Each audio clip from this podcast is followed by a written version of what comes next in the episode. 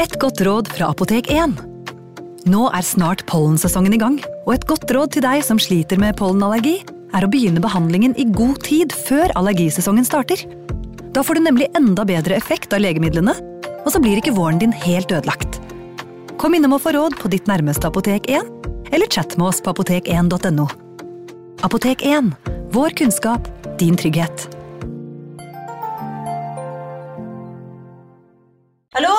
Jeg kommer fra Oslo politikammer.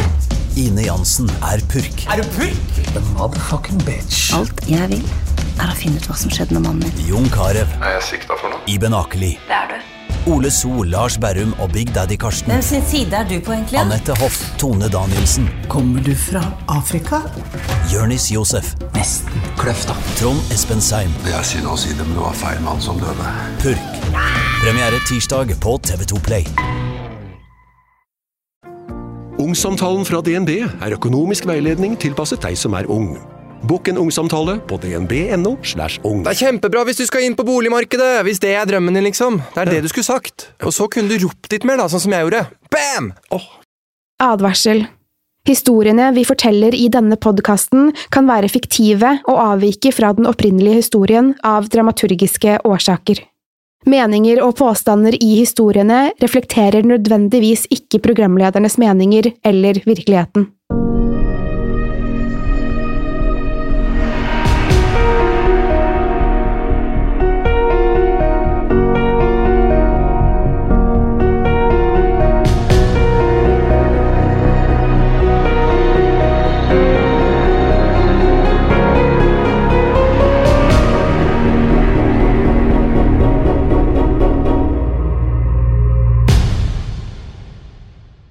Da er vi i gang, da.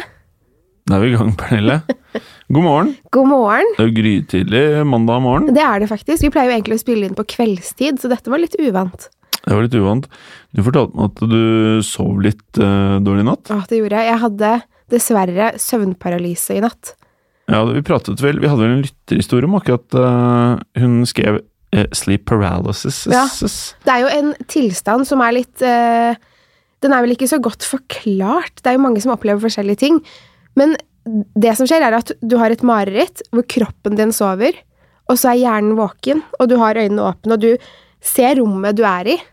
Og så har du, i hvert fall jeg, har et mareritt som utspiller seg foran meg mens jeg ligger i sengen min og sover. Så i natt så øh, våknet jeg av at jeg ikke kunne bevege meg. Og så i rommet på den ene siden så står det en dame som jeg pleier å se veldig ofte. Hun har, jeg vet ikke om hun har hvite klær, men hun er helt hvit. Og så har hun ganske mørke øyne. Og så står hun og sier til meg, det er din skyld. Det er din skyld. Og det er det eneste hun sier, og så kommer hun nærmere og nærmere. Og jeg kan jo ikke bevege meg. Og så eh, kjenner jeg at det er noe som drypper på meg eh, fra taket, på en måte. Og så ser jeg opp, for jeg kan bevege øynene, og der er det et hode som henger, og det drypper blod på meg. Og dette skjer jo bare inni hodet mitt, jeg vet ikke helt eh, om det er noe gærent der, men det opplevde jeg i natt, og jeg kan jo ikke bevege meg, så jeg kan jo ikke våkne av dette marerittet, så det var ganske ekkelt. Shit. Har du sett den Netflix-serien um, som alle The Nightmare? Nei, den derre The House House of Hor... Nei, nei. eh, Jo, Haunting House. Ja. The Haunting House. Den har jeg sett. Det høres nesten ut som det hun ene damen der uh, opplever. Ja, The Bent Neck Lady. Eh, ja, nå har ikke jeg sett alt. Nei, ok. Nei, men det var, jeg tror ikke det er så veldig Ja, jeg har bare sett fem episoder. Men, jeg- og vi burde kanskje si sånn um, Spoiler alert. Spoiler alert, ja. uh, litt sent. Men uh, det er litt eh, det hun har, eller? Hvor hun ligger i sengen, og han kjæresten må liksom våkne Ja. og liksom holde henne fast og eh, Det vil jeg tro er en type søvnparalyse. Mm. Og jeg ønsker jo alltid at uh, samboeren min Magnus skal vekke meg, men han vet jo ikke at jeg ligger, når jeg ligger helt stille. Han merker jo ikke at jeg har søvnparalyse. Så det er jo ikke så lett, lett å Men kanskje han burde se den serien, for at han som er med der, han skjønner det med en gang. Ja, men, men når noen ligger helt stille, og du sover, så er det ikke så lett å våkne og anta at du vet på film, vet du, Pernille. ja. Nei, men øh, jeg, jeg har nok ikke hatt en like skummel helg som deg. Selv om rett utenfor kontorene her, øh, så har det begynt å blinke noe voldsomt i de lyktene. Har du sett det? Når man går sent hjem øh, fra jobb her. Det har jeg ikke lagt merke til. Nei, fordi jeg hørte nemlig hele forrige episode av eh, Skrekkpodden jeg skulle hjem her på Var det torsdag? Jaha. Huh. Da klarte jeg faktisk å skremme meg selv litt. Grann. Det er gøy. At vi klarte å skremme oss selv. Ja, men det var Det var, eh, det var ja, ja, det var litt stemningen. Det var mørkt, og det var eh, lysene, og det var liksom å høre fortellingen. For at når vi sitter i studio her, og når jeg hører eh, episoden etter at lydfolkene våre har laget den lyden, da, eller lyddesign som det heter, det er to forskjellige ting, føles det som. Så det er ganske skummelt når vi sitter her, men det er enda skumlere når jeg hører det i etterkant. Jeg vet ikke om du har samme erfaring? Jo, særlig etter vi spilte inn historie, jeg tror det var første episode, med Svarthunden. Mm. Så tenker jeg alltid på Tenk hvis Svarthunden kommer hit. For det er jo det derre um, videoklippet hvor Svarthunden skal ha vært på. Ja, som er et sånn overvåkningskamera. Mm. Ja, Vi har vel ikke kommet så veldig mye lenger, lenger i prosessen med å anskaffe det, da. Nei, vi har ikke gjort noe innsats for det heller. Nei, men har du, har du kontrollen over når vi skal på den spøkelsesturen eller spøkelsesvandringen på Akershus festning? Ja, det begynner nå i mars, så nå er det ikke lenge til vi kan gjøre det. Mm. Kanskje ikke så smart å si det her, da. Plutselig så Kommer er det er det tjukt av folk på omvisning, så er det ikke plass til oss. Men jeg syns det er hyggelig hvis det er masse Skrekkpodden-lyttere som blir med. Ja. Mm. Da kan vi oppleve de grusomme opplevelse. tingene sammen. Ja. Ja, og i dag da, Pernille, hva skal, eh, hva skal du fortelle om? Du starter jo, eller åpner jo ballet i dag. Det gjør jeg. I dag skal jeg snakke om barn som husker ting fra tidligere liv. Og det, da jeg gjorde research til det, så ble jeg faktisk ordentlig redd. For jeg, det, var så, det er så uforklarlig, det som skjer. Så jeg gleder meg til å fortelle den historien. Men allikevel, det, som eh, føles kanskje enda mer skummelt med det, er jo at det er en god del filosofer eller folk som er langt smartere enn meg, som mener at man da tar med seg egenskaper inn i livet når man blir født. Og at det er visse hypoteser om at man da har levd eh, tidligere. Så det her, det her føler jeg liksom ikke bare er en vandrehistorie, eller her, her er det grobunnen for at det faktisk kan være sant. da. Ja. Så jeg gruer meg faktisk veldig til å høre hva du skal eh, fremføre her. Hva skal du fortelle om? Jeg skal fortelle om Black Eyed Children. Herregud. Ehm, det her er jo en av de mest populære vandre, eller moderne vandrehistoriene som er. Gøy. Veldig skummelt. Tror jeg. Håper jeg. Vi får se, da, vet du. Men da starter du. Jeg starter. Ok. Det finnes mange barn som husker ting de ikke skal kunne huske eller vite. Det finnes barn som husker ting fra tidligere liv. De husker detaljer de er for unge for å ha hørt om, som historiske hendelser eller kunnskaper barn på deres alder ikke skal ha. Det er mange som har forsket på slike barn, rett og slett fordi det ikke helt går an å forklare det barna forteller på en rasjonell måte. Det er ingenting som tilsier at de skal kunne vite det de snakker om, noen ganger har ikke engang foreldrene hørt om fenomenene eller hendelsene barna forteller om, men når de sjekker, stemmer det ofte. De aller fleste som opplever dette, ønsker å være anonyme, så derfor bruker jeg kun fornavn eller ikke noe navn i det hele tatt. Ta for eksempel historiske hendelser som andre verdenskrig.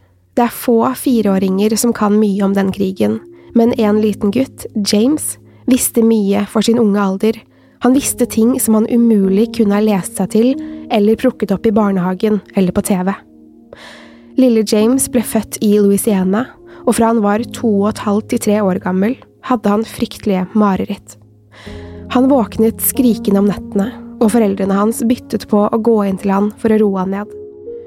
Hver gang han hadde mareritt, fortalte han den samme historien.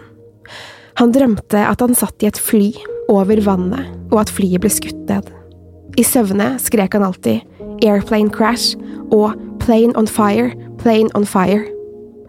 Han gråt og skalv etter marerittene, og foreldrene prøvde å fortelle James at det bare var en drøm, og at det ikke var farlig. Jo, det skjedde, påsto han. Jeg het James da også, da var jeg pilot. James begynte å fortelle flere og flere historier fra da han het James og var flykaptein. Vi var på en stor båt som het Natoma. Foreldrene syntes han ga mye informasjon, og ved flere anledninger viste det seg at James hadde stor kunnskap om fly. Foreldrene ga han et lekefly, og moren hans spurte han hva de forskjellige delene het. Han pekte på vingene, motorene, og så sa han, Den her, det er en drop tank, mamma. Det var der vi hadde bomber da jeg fløy. En annen gang hadde foreldrene på TV-en hjemme, og et program om andre verdenskrig surret i bakgrunnen. James snudde seg da han hørte flymotorer, og programlederen fortalte at flyet på skjermen het Zero og var japansk. Nei, det heter jo Tony, sa James. Faren sjekket begge flyene, og James hadde rett. Flyet på TV-programmet var et Tony-fly, ikke et Zero-fly. Disse flyene hadde blitt brukt blant annet under andre verdenskrig. Foreldrene syntes det var litt skummelt så mye James fortalte som viste seg å stemme, at de ville sende han til psykolog for å finne ut hvorfor han hadde så mye kunnskap i så ung alder. James snakket med psykologen og fortalte mer om tiden på båten Natoma.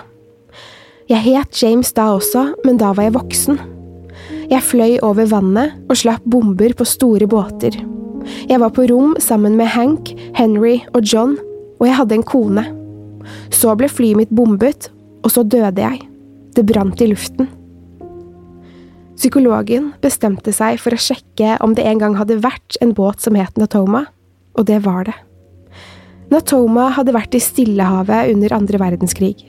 Psykologen fant også navnene på flere besetninger fra den tiden, og ganske riktig, det var en pilot som het James, som ble skutt ned over Stillehavet.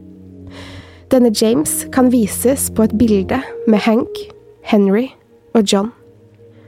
Barnepsykiateren Jim Tucker er en av de som har forsket mye på dette fenomenet. Han tok over forskningen etter en kollega som da hadde holdt på i mer enn 30 år.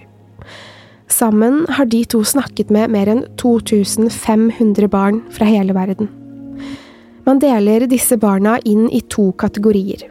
De som mener å ha minner av å ha vært en slektning, og de som mener de har vært en helt annen person, uten genetisk eller annen familiær tilknytning til personen de har minnene til. I mer enn 70% av tilfellene har personene de mener de har minnene til, dødd en voldsom eller unaturlig død, som bilulykke, plutselig sykdom, eller at de har blitt drept av noen. Nettstedet Psychology Today har publisert en artikkel om psykiateren Jim Tucker og hans arbeid for å finne ut av hva som egentlig skjer i hjernen til barna som opplever dette. Han har skrevet boken Return to Life – Extraordinary Cases of Children Who Remember Past Lives, hvor han forteller om mange av barna han har snakket med, og hva de kunne fortelle fra det de mener er tidligere liv. De fleste av barna er mellom halvannen til tre år når de begynner å huske. Det vanligste er rundt tre års alder, og minnene varer til de er ca. seks–syv år. Dette kan ha noe å gjøre med at de begynner på skolen og skaper nye minner. Barna utvikler en ekstrem emosjonell tilknytning til minnene og personene de husker. Et eksempel på det er da en gutt på to og et halvt år husket at han var en gammel mann før og jobbet som skuespiller på teater. I sitt forrige liv fortalte han moren sin at han hadde tre sønner, men at han ikke husket hva de het. Den lille gutten gråt og gråt og hadde så dårlig samvittighet for at han ikke husket sønnene sine.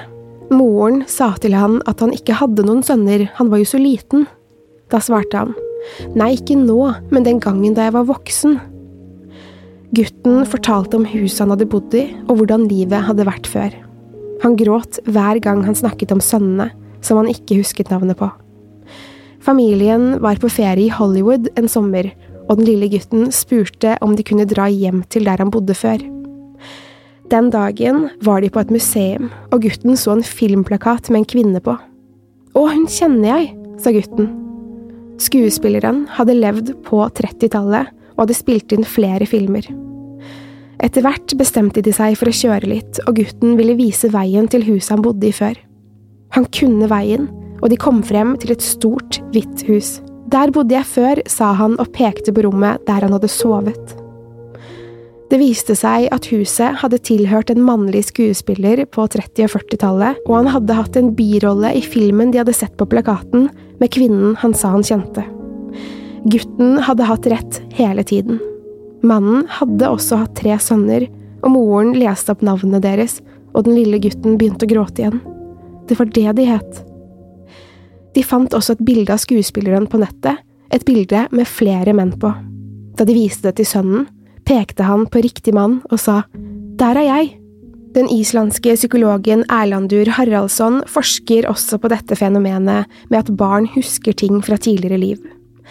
Han fokuserte mest på barn fra Østen, som Sri Lanka, India og Pakistan, land hvor mange tror på reinkarnasjon, og fant ut at disse barna husket mange flere detaljer enn barn fra Vesten.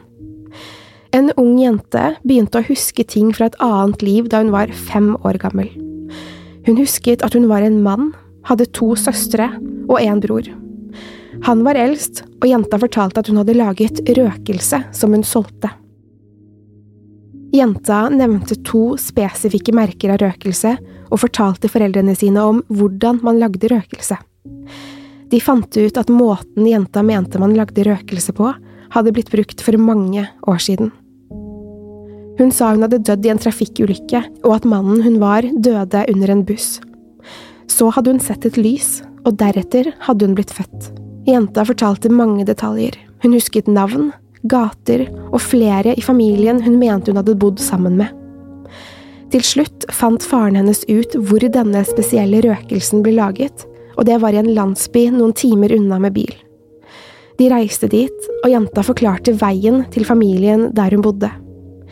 En gammel dame satt utenfor huset jenta mente hun hadde bodd i før, og hun løp bort til kvinnen og ropte mamma. Familien til jenta forklarte situasjonen, og menneskene foran dem ble veldig alvorlige.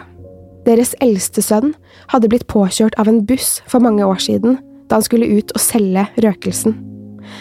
Alt hun hadde sagt, stemte, og hun husket navnet på alle i familien og hvor de pleide å lage røkelsen. Jenta spurte etter en spesifikk type røkelse, men den hadde ikke blitt laget på 20 år, da mannen hadde levd. Dere har endret pakken, sa jenta. Det stemte, for pakken med røkelse var lilla før, nå var den blå. En av de historiene som gikk mest inn på meg, er historien om en liten gutt som var tre år da han begynte å huske.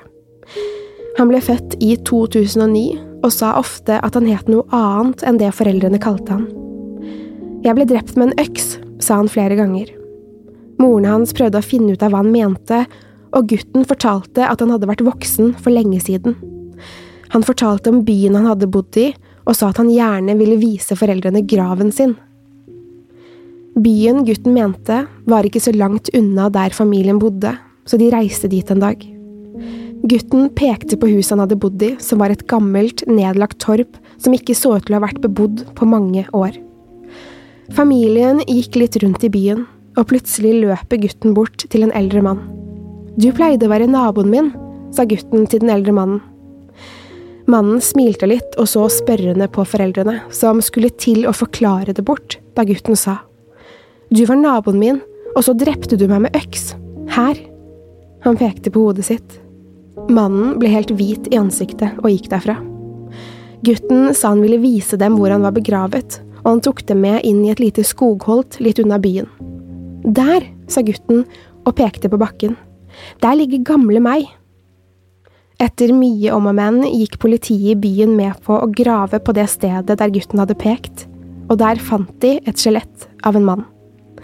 Det viste seg at mannen hadde vært savnet i mer enn 30 år, og at han hadde blitt drept med en økselignende gjenstand, for hodeskallen hadde et stort hakk i seg.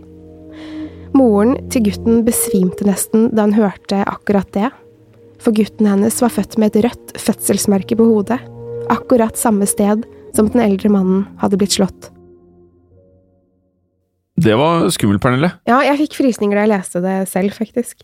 Tekniker Bråten fikk også frysninger, ikke sant det? Ja, litt. Ja, litt? Ikke mye? Bare litt. Bare litt. Bare litt. Men, det var ikke eh, mer enn det. Nei. Men eh, Bråten, eller alle teknikerne her, virker jo veldig lite skvettende, for din kollega tekniker Felix han har jo plent eh, nektet å beklage eller unnskylde seg for eh, Robert the Doll på Instagram. Har du unnskyldt deg? Jeg har ikke unnskyldt meg, og kommer ikke til å gjøre det. Oi, Nei, nettopp. da vet vi det. De gutta her, dere lever i en eh, tynn tråd, vil flere hevde. da.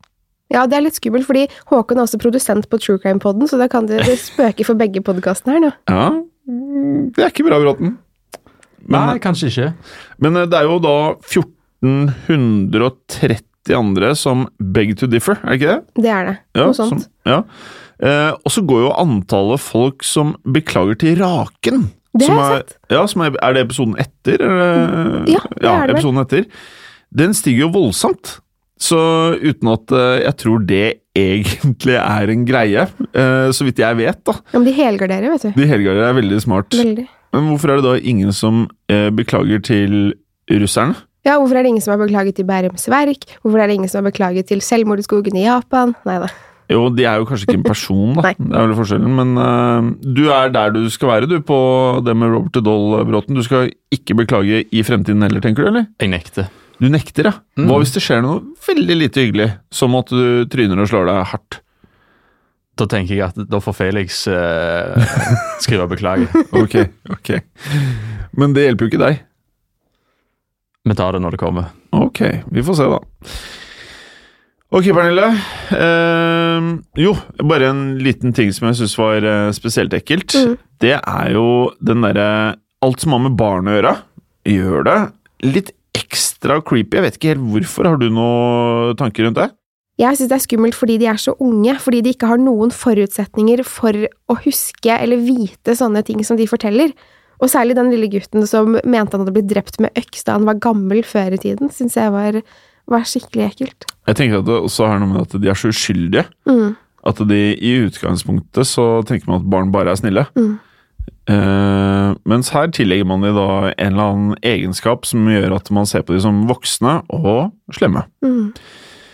Ok, skal jeg bare starte med min, kanskje? Ja, gjør det. Jeg skal som sagt prate om Black Eyed Children, også kalt Black Eyed Kids, som er en moderne vandrehistorie om paranormale vesener som ligner på små barn. De blir ofte beskrevet som bleke med nesten gjennomsiktig hud, så, så gjennomsiktig at man kan se blodårene deres. Black Eyed Children er gjerne i alderen 8 til 16 år og har helt svarte øyne. Disse skapningene er som oftest observert langs veikanter og gjerne tett på folk, så tette at de ofte står i dørstokken. De tar ofte rollen som haikere langs veien, eller som tiggere, eller barn som ber om tjenester som om å få mat, penger eller klær. De første registrerte observasjonene av Blackguard Children skal ha funnet sted på 1980-tallet. Enkelte hevder jo selvfølgelig at fenomenet dukket opp enda tidligere, så langt tilbake som på 50-tallet. Man kan trygt si at det eksploderte med internettet, og det florerer av historier av folk som har sett Black Children. Det er spesielt én historie som har fått ekstra mye oppmerksomhet. Det er historien til Brian Bethel, som jobbet som journalist i Abilene i Texas. Denne fortellingen stammer angivelig fra en e-post som Bethel da sendte til en kollega, der han fortalte om møtet sitt med det som nå har blitt kalt Black Eyed Children. Hendelsen fant sted i 1996, da han var på vei for å betale en regning hos en lokale butikk. Han stoppet i nærheten av en kino da det plutselig banket på vinduet på førersiden i bilen hans. Han kunne se noen bleke knoker som banket på vinduet, og han så opp. Da så Bethel to unge gutter med hettegensere som dekket til ansiktene deres. I samme øyeblikk gikk det et grøss gjennom kroppen hans. Frykten som oppsto var så stor at han i ettertid prater om det som nesten ubeskrivelig. Gutten som virket som lederen, hadde krøllete hår og likblek hud. Den andre gutten sto i bakgrunnen og hadde rødt hår og fregner. Utseendet deres, som ved første øyekast virket helt normalt, sendte enda mer frykt gjennom kroppen hans idet han så øynene deres. Guttene hadde ikke annet enn helsvarte øyne. Det var ikke noe hvitt i dem, og ikke noe antydning til farge. Øynene var uten noe liv som helst. De var nesten som øynene av en hai. Bethel frøs så helt til i bilen sin. Lederen spurte om de kunne få sitte på hjem til moren deres. De ønsket å be om penger for å se en film på kino. Det tar ikke lang tid, sa de.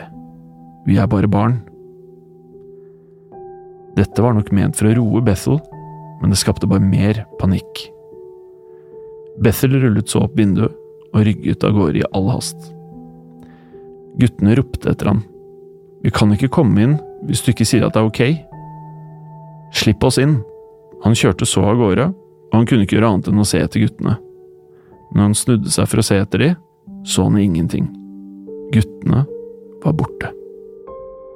Så er det en annen historie om eh, Black Eyed Children som fant sted i Vermont, som er kanskje min eh, favoritthistorie, i den forstand at eh, jeg syns dette er den som er mest creepy av de to. Det var et eldre par som våknet av at noen banket på døren deres. Når de åpnet, kunne de kun se to unge barn. En gutt og en jente. Barna sa at foreldrene deres snart ville komme, og lurte på om de kunne komme inn. Barna tok ikke øyekontakt og sto helt stille i døråpningen. Det eldre paret var nølende, men slapp de til slutt inn. Barna satte seg på sofaen mens damen lagde en kopp kakao til de. Mannen stilte så en del spørsmål, men han fikk aldri noe svar. Damen kom så med kakaoen og kunne da se at katten deres var redd. Katten var sint, og sint mot barna. Så gjemte katten seg under sofaen. Kort tid etter spurte barna om de kunne låne toalettet til den eldre damen og mannen. Damen så på barna, og kunne nå endelig se øynene deres.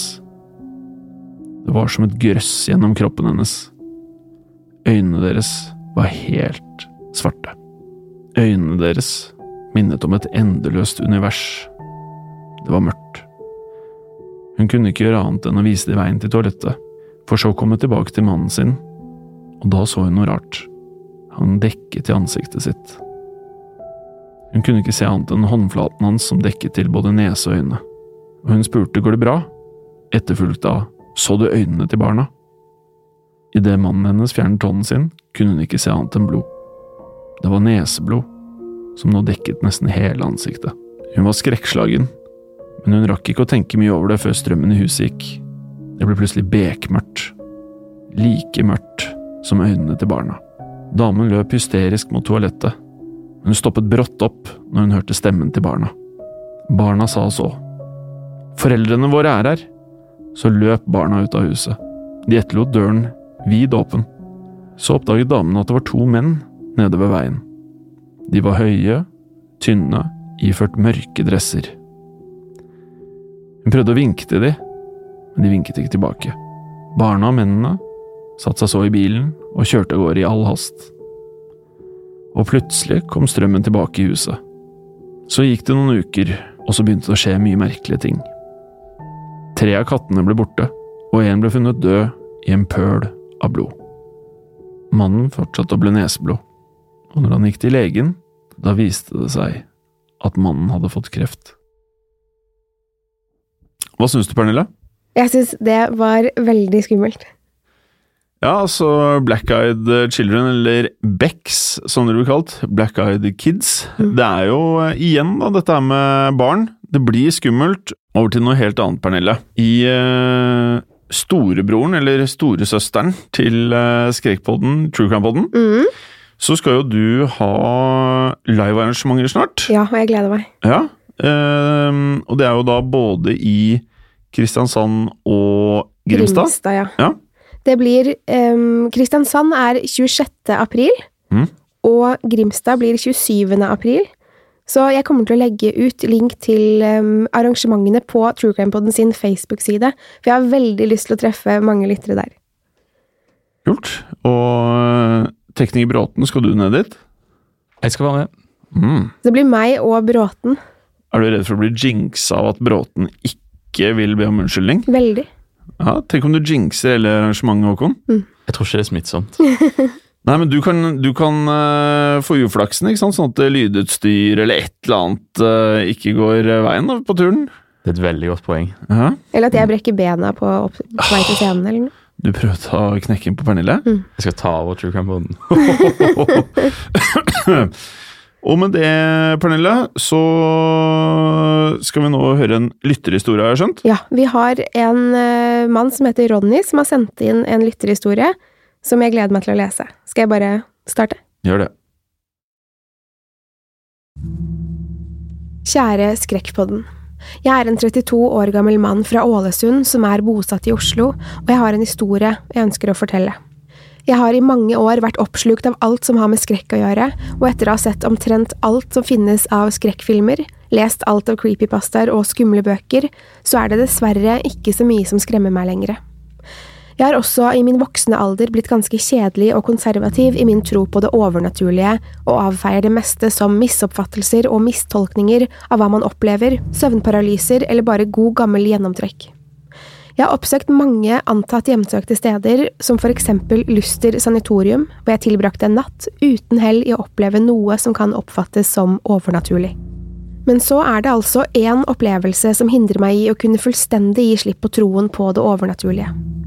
20 år etter opplevelsen får jeg fortsatt frysninger over hele kroppen når jeg tenker på det. Vi skal tilbake til en liten forstad i Ålesund i 1998. Jeg og storesøsteren min sitter sammen i kjellerstua og ser på TV. Jeg er 12 år gammel, hun er 16. Du har kanskje lagt merke til at man kan huske en del uviktige detaljer fra definerende øyeblikk i livet ditt. Jeg kan huske hver minste detalj fra denne kvelden. Vi så på Friends, og det var den episoden hvor Joey og Chandler glemmer sønnen til Ross på bussen. Søsteren min hadde på seg en dongerisnekkerbukse, hvit genser med røde striper, og håret var satt i en hestehale. Hun satt og spiste ostesmørbrød i en skinnstol til høyre for meg, akkurat slik at jeg hadde henne i sidesynet. Idet episoden av Friends nærmer seg slutten, kjenner jeg at jeg brått begynner å bli fryktelig varm, og idet jeg tar av meg genseren, forandres lyden fra TV-en. Lyden høres ut som jeg sitter under vann og ser på TV, og jeg kan så vidt høre mumlingen fra Joey og Chandler. Jeg ser bort på søsteren min, som ikke gir meg noen reaksjon, og det virker ikke som hun reagerer på lyden fra TV-en. Er det bare jeg som hører det? Nå renner det svette fra pannen min, og lyden fra TV-en blir svakere. Det føles ut som jeg har bomull i ørene og begynner å kjenne et sterkt trykk i panna.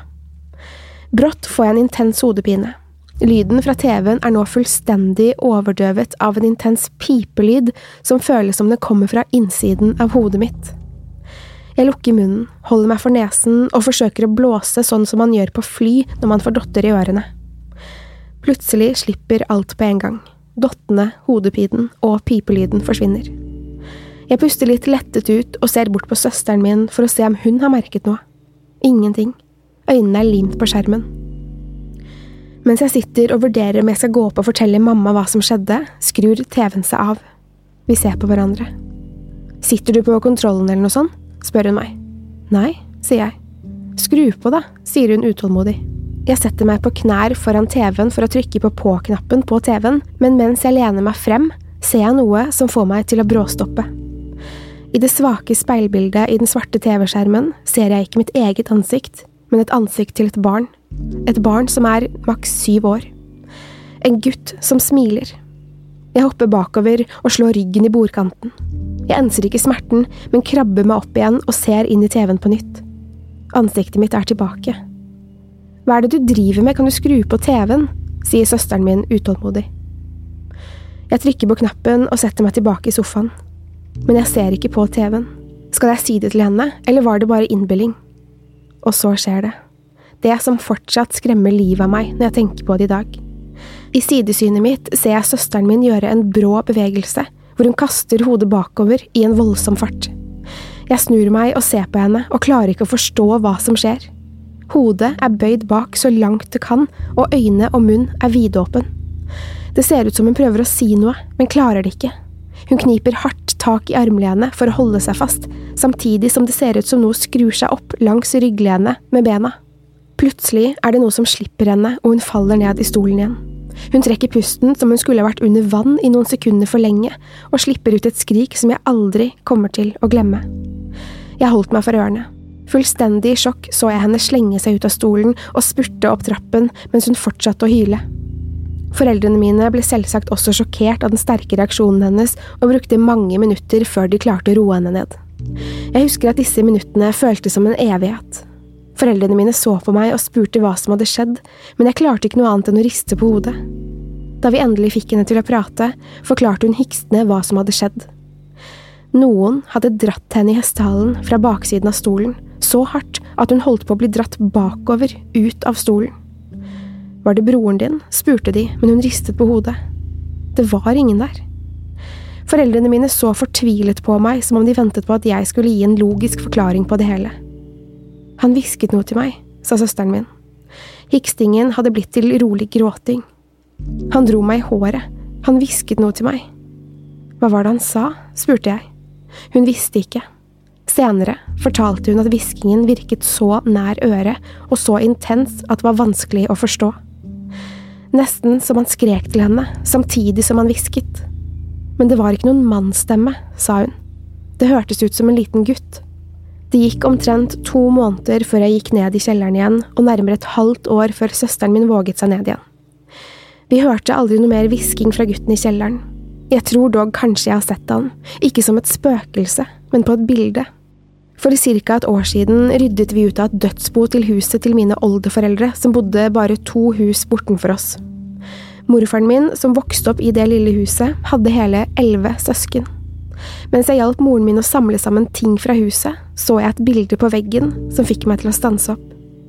Ansiktet til den lille gutten på familiebildet så kjent ut. Mens jeg sto og så på bildet, begynte jeg brått å svette noe fryktelig, og plutselig kjente jeg igjen ansiktet. Eller, jeg tror jeg kjente igjen ansiktet.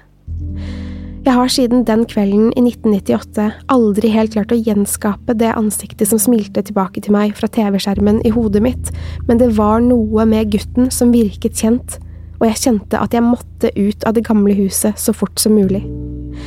Etter å ha tatt meg sammen, gikk jeg tilbake til huset og tok med meg bildet inn til moren min for å spørre om hun kjente igjen gutten. Se der, ja, det er onkel Konrad. Han ble bare åtte år gammel, dessverre. Moren min fortalte at gutten døde av tuberkulose. Morfar hadde fortalt henne historier om da han var yngre, og fortalte at han var en skikkelig rakkerunge som elsket å erte søsknene sine, og spesielt søstrene men det var for det meste uskyldig erting, og han var egentlig veldig snill og veldig glad i familien sin. Jeg har lenge forsøkt å finne en naturlig forklaring på det som skjedde den kvelden på 90-tallet, men det er vanskelig. Om vi opplevde noe overnaturlig, velger jeg å tro det bare var Konrad som var innom og ville erte oss litt.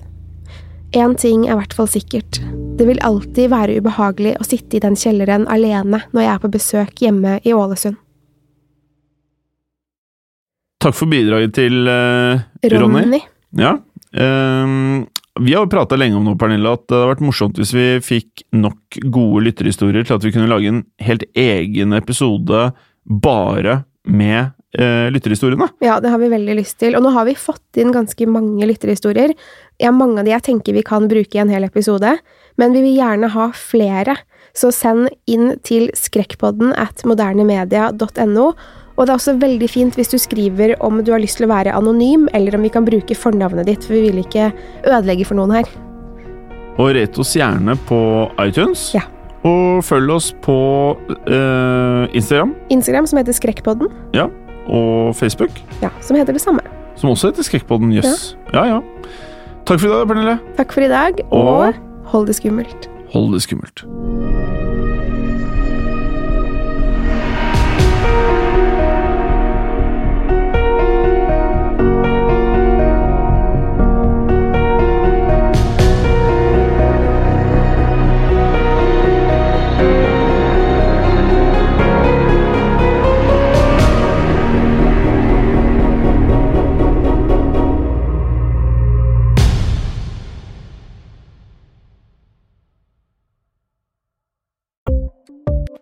Ukens annonsør er Folio, en smartere banktjeneste for deg som har en egen bedrift eller ønsker å starte for deg selv. Folio er en superenkel nettbank for bedrifter. Som kunde i Folio får du en bedriftskonto med et bedriftskort og app. I denne appen er det smarte løsninger som forenkler regnskapet ditt, uansett om du har en liten bedrift eller et enkeltpersonsforetak. Folio er både intuitivt og brukervennlig, og er laget med et enkelt språk. I tillegg tilbyr de forutsigbare priser og ingen skjulte gebyrer. Skulle du likevel trenge det, så kan du snakke med deres raske og hyggelige kundeservice, og der får du prate med en faktisk person og ikke en chatbot. Folio er med andre ord både enklere og koseligere enn banken. Over 10 000 bedrifter har allerede valgt Folio som sin banktjeneste, så besøk folio.no og se hvordan Folio kan forenkle din hverdag også. Har du et enkeltpersonforetak eller en liten bedrift? Da er du sikkert lei av å høre meg snakke om hvor enkelt det er med kvitteringer og bilag i fiken, så vi eh, gir oss her, vi. Fordi vi liker enkelt. Fiken superenkelt regnskap. Kiwi er billigst i VGs matbørs og har vært billigst i fire av de fem siste VGs matbørser. Og nå presser vi prisene på frukt og grønnsaker.